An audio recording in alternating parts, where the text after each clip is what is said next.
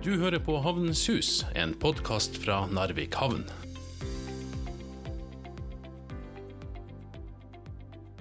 Narvik havn har opplevd en enorm respons etter at den første testcontaineren med varer fra Kina ankom Narvik på bare 15 dager. Næringslivet ønsker å ta den nye godsruta i bruk, og nylig stilte fem ambassadører seg entusiastisk bak utviklingsarbeidet. Det er en bedre avslutning på den uh, uka enn akkurat det møtet, den responsen, de folkene som vil stille opp for oss. Det var bare helt utopisk å oppleve. Og nå fortsetter arbeidet med mål om å etablere ei fast togrute. Så nå fortsetter vi å ta kontakt med potensielle kunder og, sette en test av uh, en container med frozen fisk eastbound fra Narvik til Kina. Det er vår neste steg. Etterpå vi er klar å begynne regular rute fra Narvik. I denne podkasten får du møte fem av dem som arbeider for å etablere den nye Silkeveien, en permanent og moderne handelsrute mellom øst og vest. Utviklingssjef Ragnar Krogstad, markedssjef Grete Parker, prosjektleder Anna Filina og prosjektmedarbeider Sissi Cheng-Chang. Og selvsagt havnedirektør Rune Arnøy. Jeg vil si det at uh, vi har jobba med her i, i to tiår. Og vi har hatt stayerne. Altså vi har vært langsiktige, vi har vært tålmodige. Og vi har hatt god tro på at vi skulle få til noe. Selv om vi innimellom har uh, sett at vi måtte ta oss noen hvilerom for å uh, liksom gjøre andre ting, så har vi fått signal fra tid til annen som har vært positive. Men det som har skjedd nå i det siste, det overgår egentlig alt vi hadde turt å håpe på. Det har gått utrolig hurtig. Og vi syns jo det er kjempegøy etter å ha jobba så lenge med det, at vi får, kan få ting til å skje på en ordentlig, skikkelig god måte. Ja, Havna har jobba lenge, og, og, du Rune har jobba lenge. Men det har jammen også Ragnar Krogstad, som er utviklingssjef i, i, i Havna. Du jobba tidligere i Futurum, og det var jo på mange måter skal vi si, ditt, ditt, gamle selskap som tok initiativ til det her i hine hårde dager. Det begynner å bli en stund siden. Ja, Det starta jo egentlig med omstillingsarbeid i Narvik kommune når vi mista masse statlige og private arbeidsplasser. Så ble det jo satt i gang et arbeid for å se på hva skulle Narvik leve av i fremtida. Og da var jo transport og logistikk en del av det. Og det var jo denne korridoren til Kina, eller mellom Kina og USA over i norsk havn, et av de prosjektene. Og nærmest var jo vel i 2009, når den kinesiske jernbaneministeren var i Oslo og hadde møte med den norske samferdselsministeren, og der de insisterte på at Narvik skulle være til stede. Og Da var jeg der nede og representerte egentlig både Narvik havn og Futurum. Og kineserne var jo klare til å sette i gang året etterpå. Men så ble det jo diplomatiske forviklinger som følge av eh, fredsprisen som ble gitt ut, og Norge ble jo frosset ut. og Dermed så stoppa hele det prosjektet. Så du kan si at eh, det man har gjort etterpå, både vel i Futurum og i Narvik havn, det er jo at vi har jo bare observert hva som skjer. Og så har vi jo sett at det har vært aktivitet i Finland, og så har vi liksom eh, ja, prøvd å knytte oss til de som vi har hatt tro på skulle lykkes med å få i gang trafikk til Kina. Og eh, til slutt så var det vel egentlig nordmennene som viser seg å være den aktøren som har brakt oss lengst. Det er vel en kortversjon.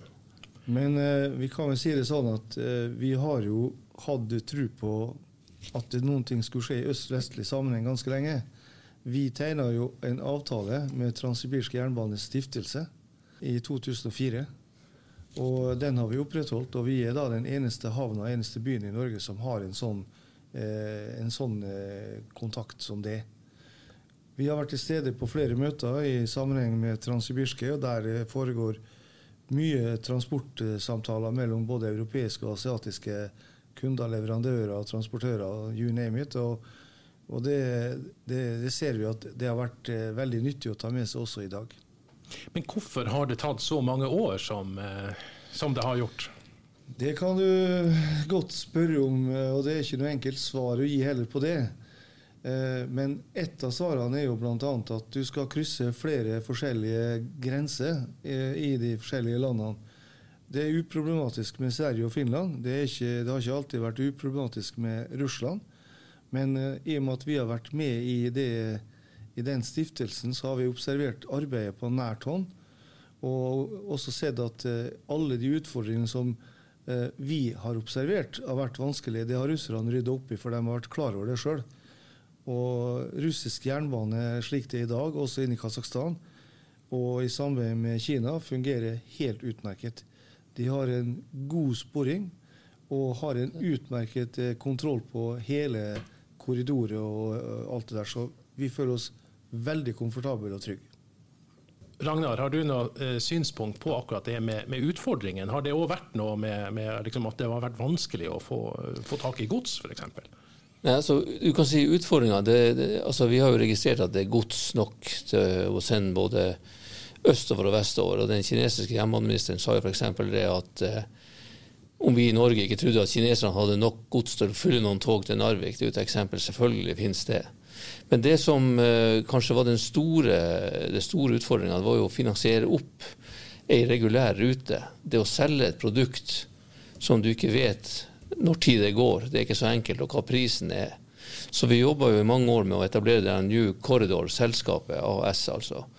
Og finansiere opp eh, regulært tog, eh, og med tilknytta ei båtrute.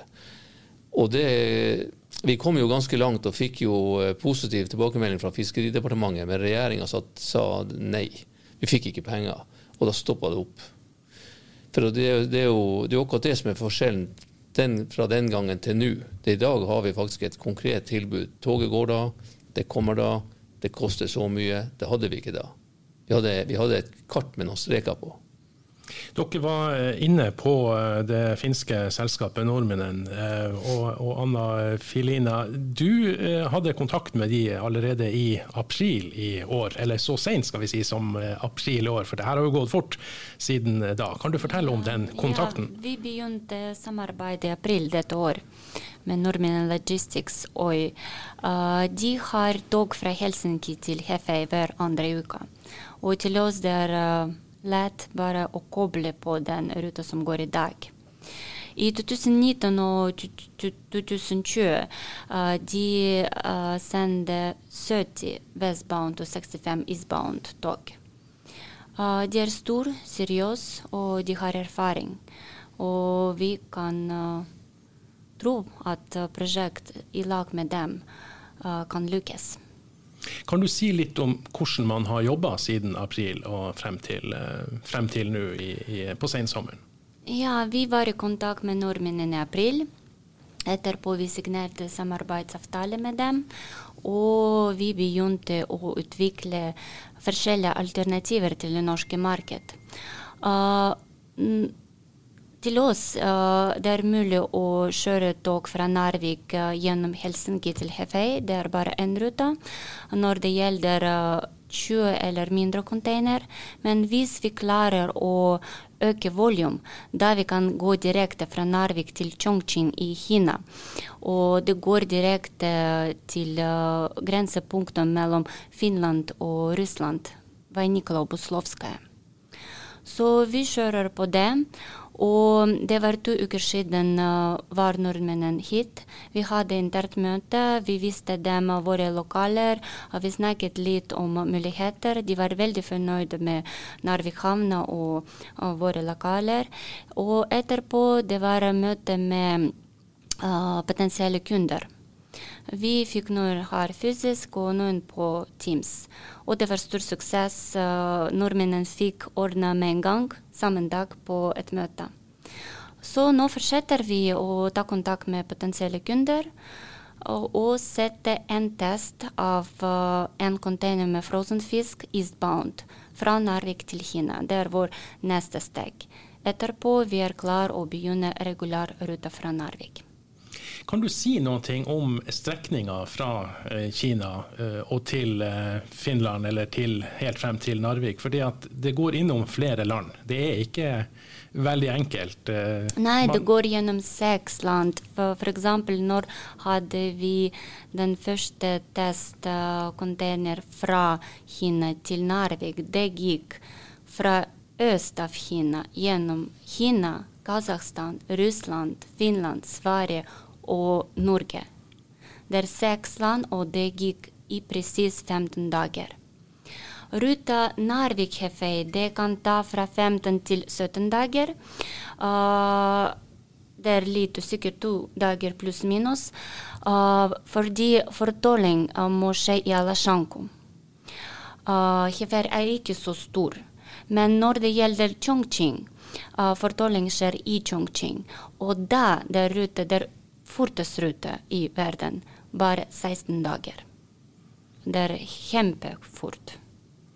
Og eh, prosjektmedarbeider eh, Sissi Cheng du eh, hørte om det her. Du jobber for Arnøy Angro, som importerer mye varer fra eh, Kina til, til Narvik eh, hvert år.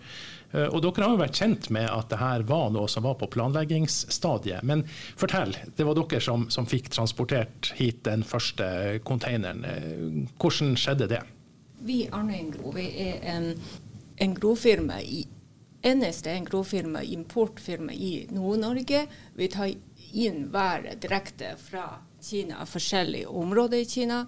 Så tar vi inn ca. 100 containere hver året. Akkurat eh, i året vi har kjempeutfordring med sjøtransportproblemer, overbooking og delay. Så da jeg jobber med den togprosjektet, jeg får med at det er jo en lykkelig sjanse for Arnøy Gro. Vi kunne ta imot våre varer i tiden til å levere våre kunder i hele Norge.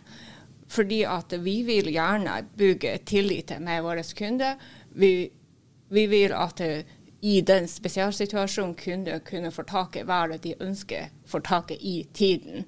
Vi i Arnøy Gro vi vil bidra og garanti kundeleveringstid. Det er jo eneste, en av våre kvalitetsarbeid til våre kunder. Og så blir det da, da jeg jobber med den togprosjektet, og jeg vet at vi har en sjanse med Lavrik havn samarbeidet kunne teste den første containeren fra Kina til Norge så er det vi syns at den, den, bør vi teste. Den bør vi prøve. Det er jo en god sjanse for lokale, både god sjanse for uh, vår uh, transport og nye muligheter i Nord-Norge, i Narvik, og i tillegg for selvfølgelig for Arne Gro ta imot været fortere. Så blir det vi tester den. Vi tar vare fra hele Øst-Kina havområdet nær Shanghai. Men det er jo en annen by som heter Ling'an. Selvfølgelig det jo bare 100 km fra Shanghai. Så jeg kontakter med nordmannen sin eh, lokalkontor i Kina, og så booking toget. Så fikk vi tilbakemelding at veier fort vi får en tog i midten av juli måned. Så allting går på plass. Vi bare pusher på våre fabrikker sånn det er fort mulig å produsere varene våre. Og så få match den togruta. Vi skal få været inn i begynnelsen av august. Så er det alle prosesser går småke småke, er på plass. Så er det vi har Vi retta den toget i, fra 17. juli. Så alle varer er laste opp fra Høføy, og så kommer toget videre til Narvik i eh, 4. august. Så vi, Arne, vi er lykkelige med den samarbeidet med Narvik havne, med togprosjektet. Vi syns at eh, vi er vinn-vinn-situasjon. Da var det bare 15 15,5 dag, var det det den, den tok? Uh, ja, det er faktisk er den. Det, vi er overrasket så fort det var å kunne komme fra Kina hit. Det er nesten som en frufart. ja. ja, for sammenligna med den båtfrakta som dere har uh, brukt, og fortsatt sikkert skal bruke en stund inntil alt skal over på tog, så, for, for, det tar veldig mye mer tid. Da er det snakk om uh, flere uker? ja, hvis vi sammenligner med båttransportet, da har vi kjempestor forskjell. Men hvis vi sendte været med båten, nå opplever vi at den er jo eh, mellom 49 til 60 dager fra den havna vi skulle sendt ut været fra, til eh, Narvik. Ja. Det er jo kjempestor forskjell. Det er jo flere ukers forskjell. Ja. Du er fra Kina eh, opprinnelig. Eh, hvordan vurderer du si, markedsmulighetene for eh, annen type gods fra Kina til, til Narvik, som ikke bare Arnøy Angro eh, skal eh, importere? Så min erfaring er at uh, det er jo mengden varer fra Kina, all slags varer fra Kina, sendt til Norge og sendt til Europa. Og, og eventuelt bra mye varer kommer opp til Nord-Norge. Og så Det er jo kjempestore potensial for alle de eh, forskjellige kinesiske fabrikker eller leverandører. De eh, anbefaler kunden sin å bruke togtransporter, fordi at den er jo å kunne ha kunder redusere kapitalbehovet for å bruke toget i stedet med en lang, lang transporttid med båt. Ja, men uh, også i tillegg at par per i dag er båter, eller båtei eller rederi, de setter ned farten med båter, og de uh, kansellerer en del ruter til å alt, Alle businessmenn tenker på fortjeneste. Så er det, det er jo match med den tida at det, flere kunder ønsker å utnytte toget og sende været fra Kina til Norge, bruker mye, mye, mye kortere tid, og så har de den kapitalen kunne Eh, kjøre flere runder. Grete eh, Parker, du er markedssjef i eh, Narvik havn. og Etter at denne første containeren kom, så tok dere initiativ til et, et, møte med aktører som ikke bare ønsker å importere varer fra Kina, men som også har behov for å, å få sendt varer den andre veien. For her er vel en sånn godstrøm begge veiene noe som er viktig å jobbe med. Hvilken respons fikk dere? Nei, Den var vi rimelig heldige med. Vi fikk eh, god mediedekning på den testcontaineren til Arnøyan Jangro. Og nordmennene ønska å komme hit og møte potensielle kunder. Og i den anledning så inviterte vi eh, firmaer både lokalt og regionalt. Eh, importører og eksportører. Som du sier, retningsbalanse eh, vil jo spille en rolle her. Og vi hadde representanter fra 24 forskjellige firmaer. Eh, noen deltok på Teams, noen deltok her. Næringslivet var også representert gjennom næringsforeninga.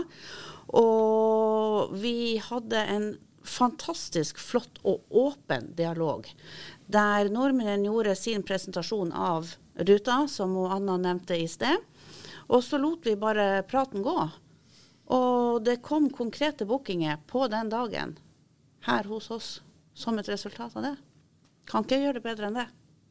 Hva slags eh, varer er det snakk om å, å eksportere da, fra Norge? Det, det, er fisk kanskje, først og fremst? Ja, vi tenkte jo det.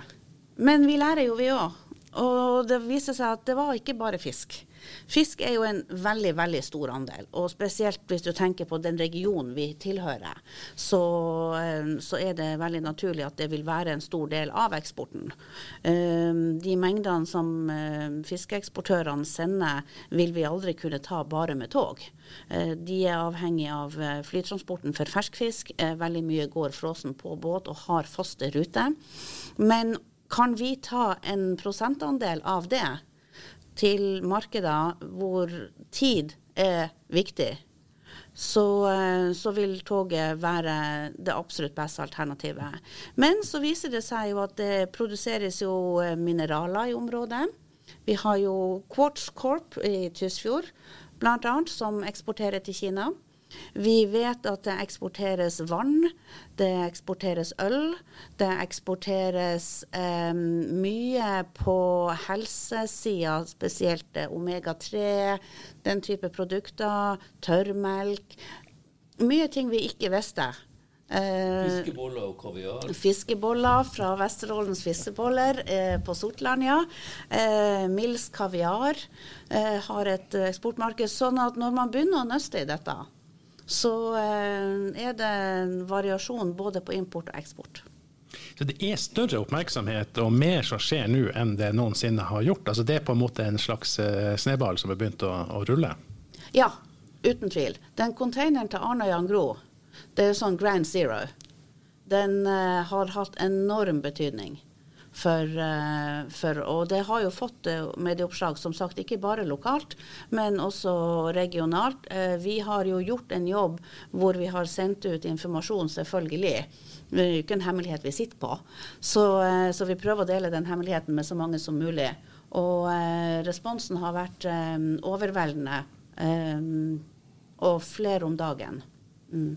Den containeren som uh, kom hit 4.8, den uh, ble omlasta på bil i Helsinki og transportert landeveien opp. Men, men, dere jobber med å få satt opp hele tog til og fra Narvik. Det er liksom målet? Målet er hele toget fra Narvik. Når, da, når, kan det skje? Vi, altså, det kan jo skje i neste uke. Minimumet er ti containere. Så for å få det toget til å gå, så kreves det en, en, et visst antall containere, og det sier seg jo sjøl. Men, eh, men ti containere som da samlastes her i Narvik, og da går toget.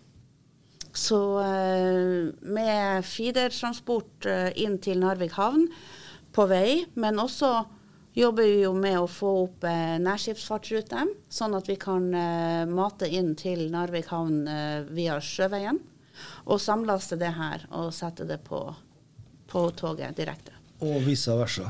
Og vice versa.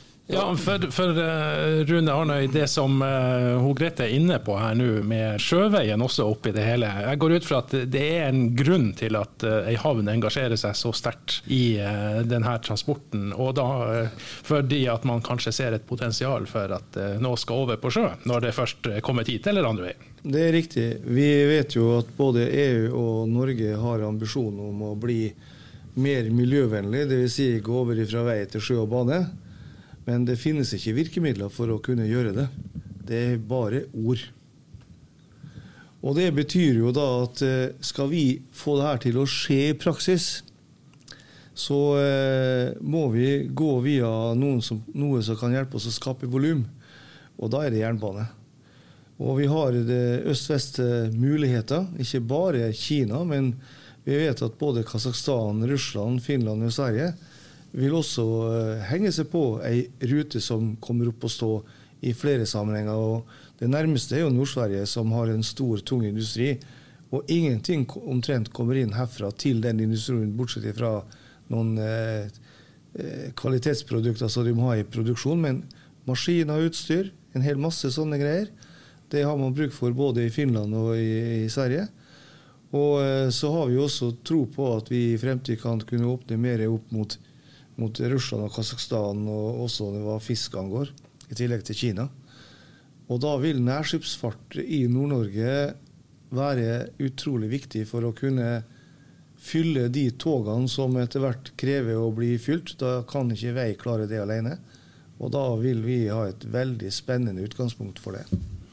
Ragnar, drømmen har jo hele tida vært eh, at man kunne ha eh, godstransport mellom eh, USA, Canada og, og, Kina. Og, du har jo med flere representanter fra Narvik vært i USA, vært i Canada, vært og sett på si, forholdene og havne, havnemulighetene. Hvordan vurderer du mulighetene for at det ikke altfor lenge kommer et en båt inn. Alt står vel og faller på at vi får i gang et regulært tog. Har du et regulært tog, så er det også mulig å få regulære skipsanløp. Så det er jo derfor vi har jobba så mye med tog først.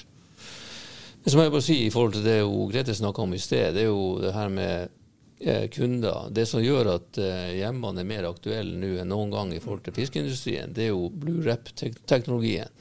Der du øker holdbarheten på fisk eh, opptil 40 dager for fersk fisk. Og det gjør jo at du er, er, kan konkurrere med flyfrakt til mye lavere pris. Ikke riktig så fort som fly alltid, men. Så, men, men eh, når det gjelder det du spurte om, så, jo, eh, så kan du si det sånn at kan man ønske seg mer i eh, Nord-Norge, eller i Norge for så vidt, at du ligger på ei havn som har tilknytning til de store markedene som er i øst, Russland, Kasakhstan, Kina, og i vest er det UK, Canada og USA. Tenk deg de mulighetene det gir næringslivet her vi bor. Det er jo det som har vært visjonen hele veien. Det er å knytte sammen eh, eh, alle de her markedene via ei norsk havn. Og ikke bare det. En, et knutepunkt i en størrelsesorden, som Ragnar sier, med de store aktørene, altså land på hver side, så vil jo det også utkrystallisere seg atskillig flere lokale muligheter ja. knytta til det knutepunktet innenfor arbeidsplasser, lager, you name it. Det kommer til å bli mye, mye mer. Vi har jo vært i en del store havner og sett, containerhavner og sett. Det er ikke bare en container eller tre. Det er jo en masse aktivitet som foregår rundt dette der av ulike tjenester. Så det her er utrolig spennende for oss alle sammen. Så Rune, det her vil ha noe å uh, si for si, lokale aktører også? Det skaper mer aktivitet? Helt klart. En container skaper mye aktivitet. Den skal bringes. Den skal uh, både hit til havna og tilbake til en kunde. Og den skal håndteres med service, kanskje vask og andre ting. Det er veldig mange operasjoner som skjer rundt en sånn sak. Så eh, det at vi eh, får det her opp å stå, vil også gjøre det mulig for mange, og aller helst lokale aktører i størst mulig grad, å delta og gjøre jobb. Og dermed bygge opp alt det som skal til i et nettverk for å kunne ha en førsteklasses leveranse uansett hva det måtte være, og når tid det måtte være. Men da må dere ha litt mer eh, plass enn det dere har i eh, Indre havn her?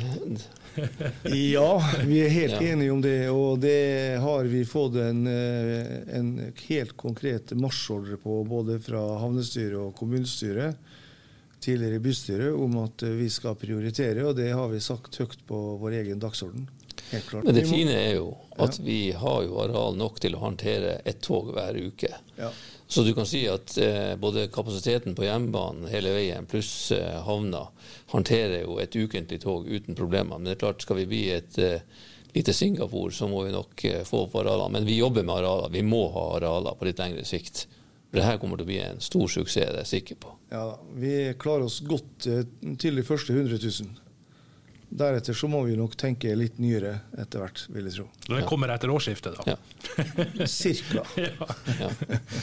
Du, eh, Anna, du er jo fra Russland, og det er jo et land som tidligere skal vi si, Det var vanskelig å få sendt varer gjennom eh, Russland, men det er det ikke lenger eh, nå. Nå går det der ganske så smertefritt. Ja, det er riktig. Uh, så i fjor, i desember, uh, signerte Putin vedtak. Og det åpnet muligheter å kjøre transitt gjennom Russland til alle sanksjonerte varer, og fisk er en del av det. Men uh, det går veldig bra nå. Det var test uh, gjennom Rotterdam og Kina. Det gikk veldig bra i april dette år. Uh, vi vet at alle containere med sanksjonerte varer må forsegles på grensa. Og det tar bare to minutter per container. Og de fjerne, fjerne uh, segler på grense gjennom Russland og Kasakhstan. Og det er ingen lov å åpne container under uh, transport. Så når container kommer uh, på grensa, da de sjekker bare, bare, dokumenter, og de skanner container. Hvis det er ingen feil, det går videre. Hvis noen som er feil er ikke rett, da de sender container tilbake. Men de åpner ikke. Det er ikke lov å åpne container. Rune, dere hadde jo òg ganske nylig nå et møte med representanter fra flere ambassader her. Um, hva slags reaksjoner fikk dere fra, fra dem? Du, vi hadde kinesisk, russisk, kasakhstansk, finsk og svensk ambassadører til stede, eller representativ for ambassadene. På fem av de var her. Den eh, femte ja, Fire var her. Den femte var på Teams. Vi fikk en utrolig positiv respons. Vi har egentlig eh, fått fem nye Narvik-ambassadører, vi. Med ulik eh, språklig bakgrunn og kultur. Og som eh, vil bistå oss, åpne nødvendige dører og sørge for at vi lykkes. Vi kunne ikke egentlig drømt om å få et bedre resultat enn det vi faktisk fikk gjennom eh, det møtet. Det var, det var helt strålende. Men hvorfor var det viktig å ha møte med de? Jo, fordi at eh, La oss ta som et eksempel. I dag så er den kinesiske utenriksministeren i Norge og besøker den norske. Da vet vi at den kinesiske ambassaden i Oslo er, er representert sammen med den kinesiske ministeren. Og jeg vil tro det at eh, med det bakteppet som, eh, som ambassaden fikk fra det felles møtet her, eh, og tar med seg det inn i møtet og omtaler det for sin minister, på en sånn måte at det hele kan utvikle seg til å bli enda mer positivt, relasjonen mellom Kina og Norge, på ulike varer.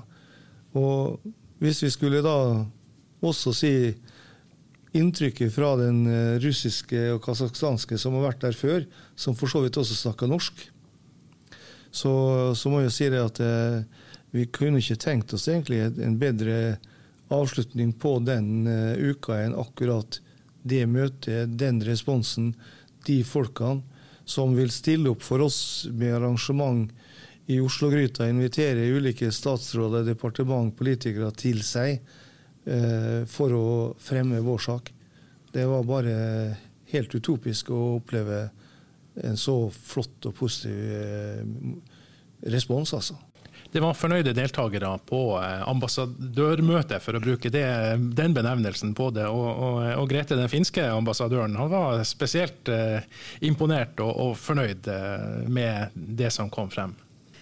Ja, vi fikk litt artig tilbakemelding eh, etter møtet. Men jeg vil bare starte med å si at under møtet også, så hver og en representant, eh, skråstrek ambassadør, som var til stede, eh, sa høyt og tydelig at dette prosjektet støtter vi.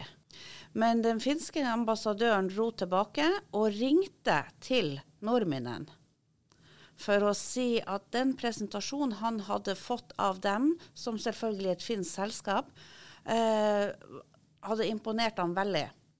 Og han ønska å si til dem, på lik linje som han hadde sagt til oss, at det her var et prosjekt han heia på, og at eh, ambassaden kom til å støtte, og den finske regjering kom til å støtte det samarbeidet. Jeg registrerte at uh, samferdselsministeren som ikke var på møtet, Knut Arild eh, Hareide, han hilste og gratulerte med etablering av togforbindelsen. Men han sendte sin statssekretær Jon Ragnar Aarseth til, til dette møtet. og Da skal vi avslutte tror jeg, med noen ord knytta til akkurat det her med kapasitet. Nå har vi jo eh, halvveis spøkefullt snakka om de der, at det går bra med de første 100 000 containerne. Men det er, vi har jo snakka tidligere i, i, i podkasten Havnens Hus om kapasitetsutfordringen på Ofotbanen. Det er ikke noe som, som, eh, som stopper i morgen, men, men, på litt sikt så må det skje noe. Og uh, Han lovte at han skulle snakke med sine svenske kollegaer, for nå gjelder det et dobbeltspor, eller, eller, i hvert fall i første omgang å få, få etablert eh, lengre krysningsspor og, og sørge for en kapasitetsøkning.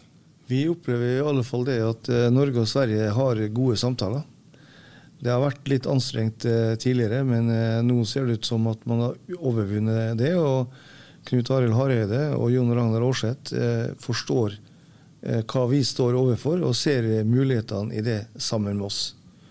Ragnar, hva du tenker i forhold til det utspillet til Jon Ragnar Aarseth om at han skal snakke med bl.a. svenske kollegaer nå om, eh, om, eh, kapasitetsøkning på fotballen. Det, det, ligger jo Nasjonal transportplan i, i arbeidet snart. Ja, Vi syns det første var veldig hyggelig at han tok seg tid og kom hit, han Jon Ragnar Aarseth. Han har jo vært i Narvik før, og han har jo vist seg som en person som er oppriktig interessert. Og Det de snakker med svenskene om er jo særdeles viktig. Det er jo det vi har savna over lang tid, at Norge og Sverige snakker i lag eh, om behovene på fotballen.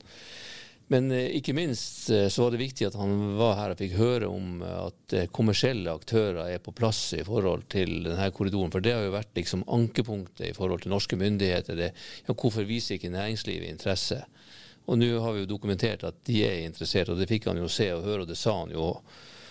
Og så fikk han jo se engasjementet fra eh, de representantene fra alle ambassadene, at alle de her landene eh, er veldig opptatt av denne korridoren. Så jeg tror jo i forhold til den videre jobb med NTP, så fikk han med seg eh, positive innspill. Så det vil i hvert fall styrke Narvik sine aksjer. Om ikke vi når helt frem, det vet vi jo aldri da. Men, men han, eh, han, har fall god innsikt i at det er ikke bare Malm, og det er ikke bare Are og NRE-togene. Det er faktisk også mulighet til å skaffe Norge en internasjonal transportkorridor. Og der er det tross alt bare fire mil jernbane vi skal eh, gjøre noe med. Eller 42 km. Og vi blir i tilfelle da den, faktisk den eneste internasjonale transportkorridoren for Norge, med en direkte jernbaneforbindelse helt fra Stillehavet hit, og en båtrute over til USA og Canada. Vi blir unike vi, i den sammenhengen her, og det bør man også tenke litt over. Så må jeg jo få lov å si det at eh, når Ragnar Krogstad og jeg har jobba med det her nå i snart en generasjon, så har vi forsøkt å modne markedet så mye som mulig, slik at de skulle se nytte og glede ut av det her og komme til oss for å bruke den fantastiske muligheten som vi har sett. Men det måtte altså Grete, Anna og Sissi girlpower til for å få det til å skje. Og vi er veldig fornøyd med den jobben de har gjort, og vi er veldig glad i dem. For det her blir utrolig bra for oss alle. Du har hørt på Havnens hus, en podkast fra Narvik havn, produsert av Mo Media.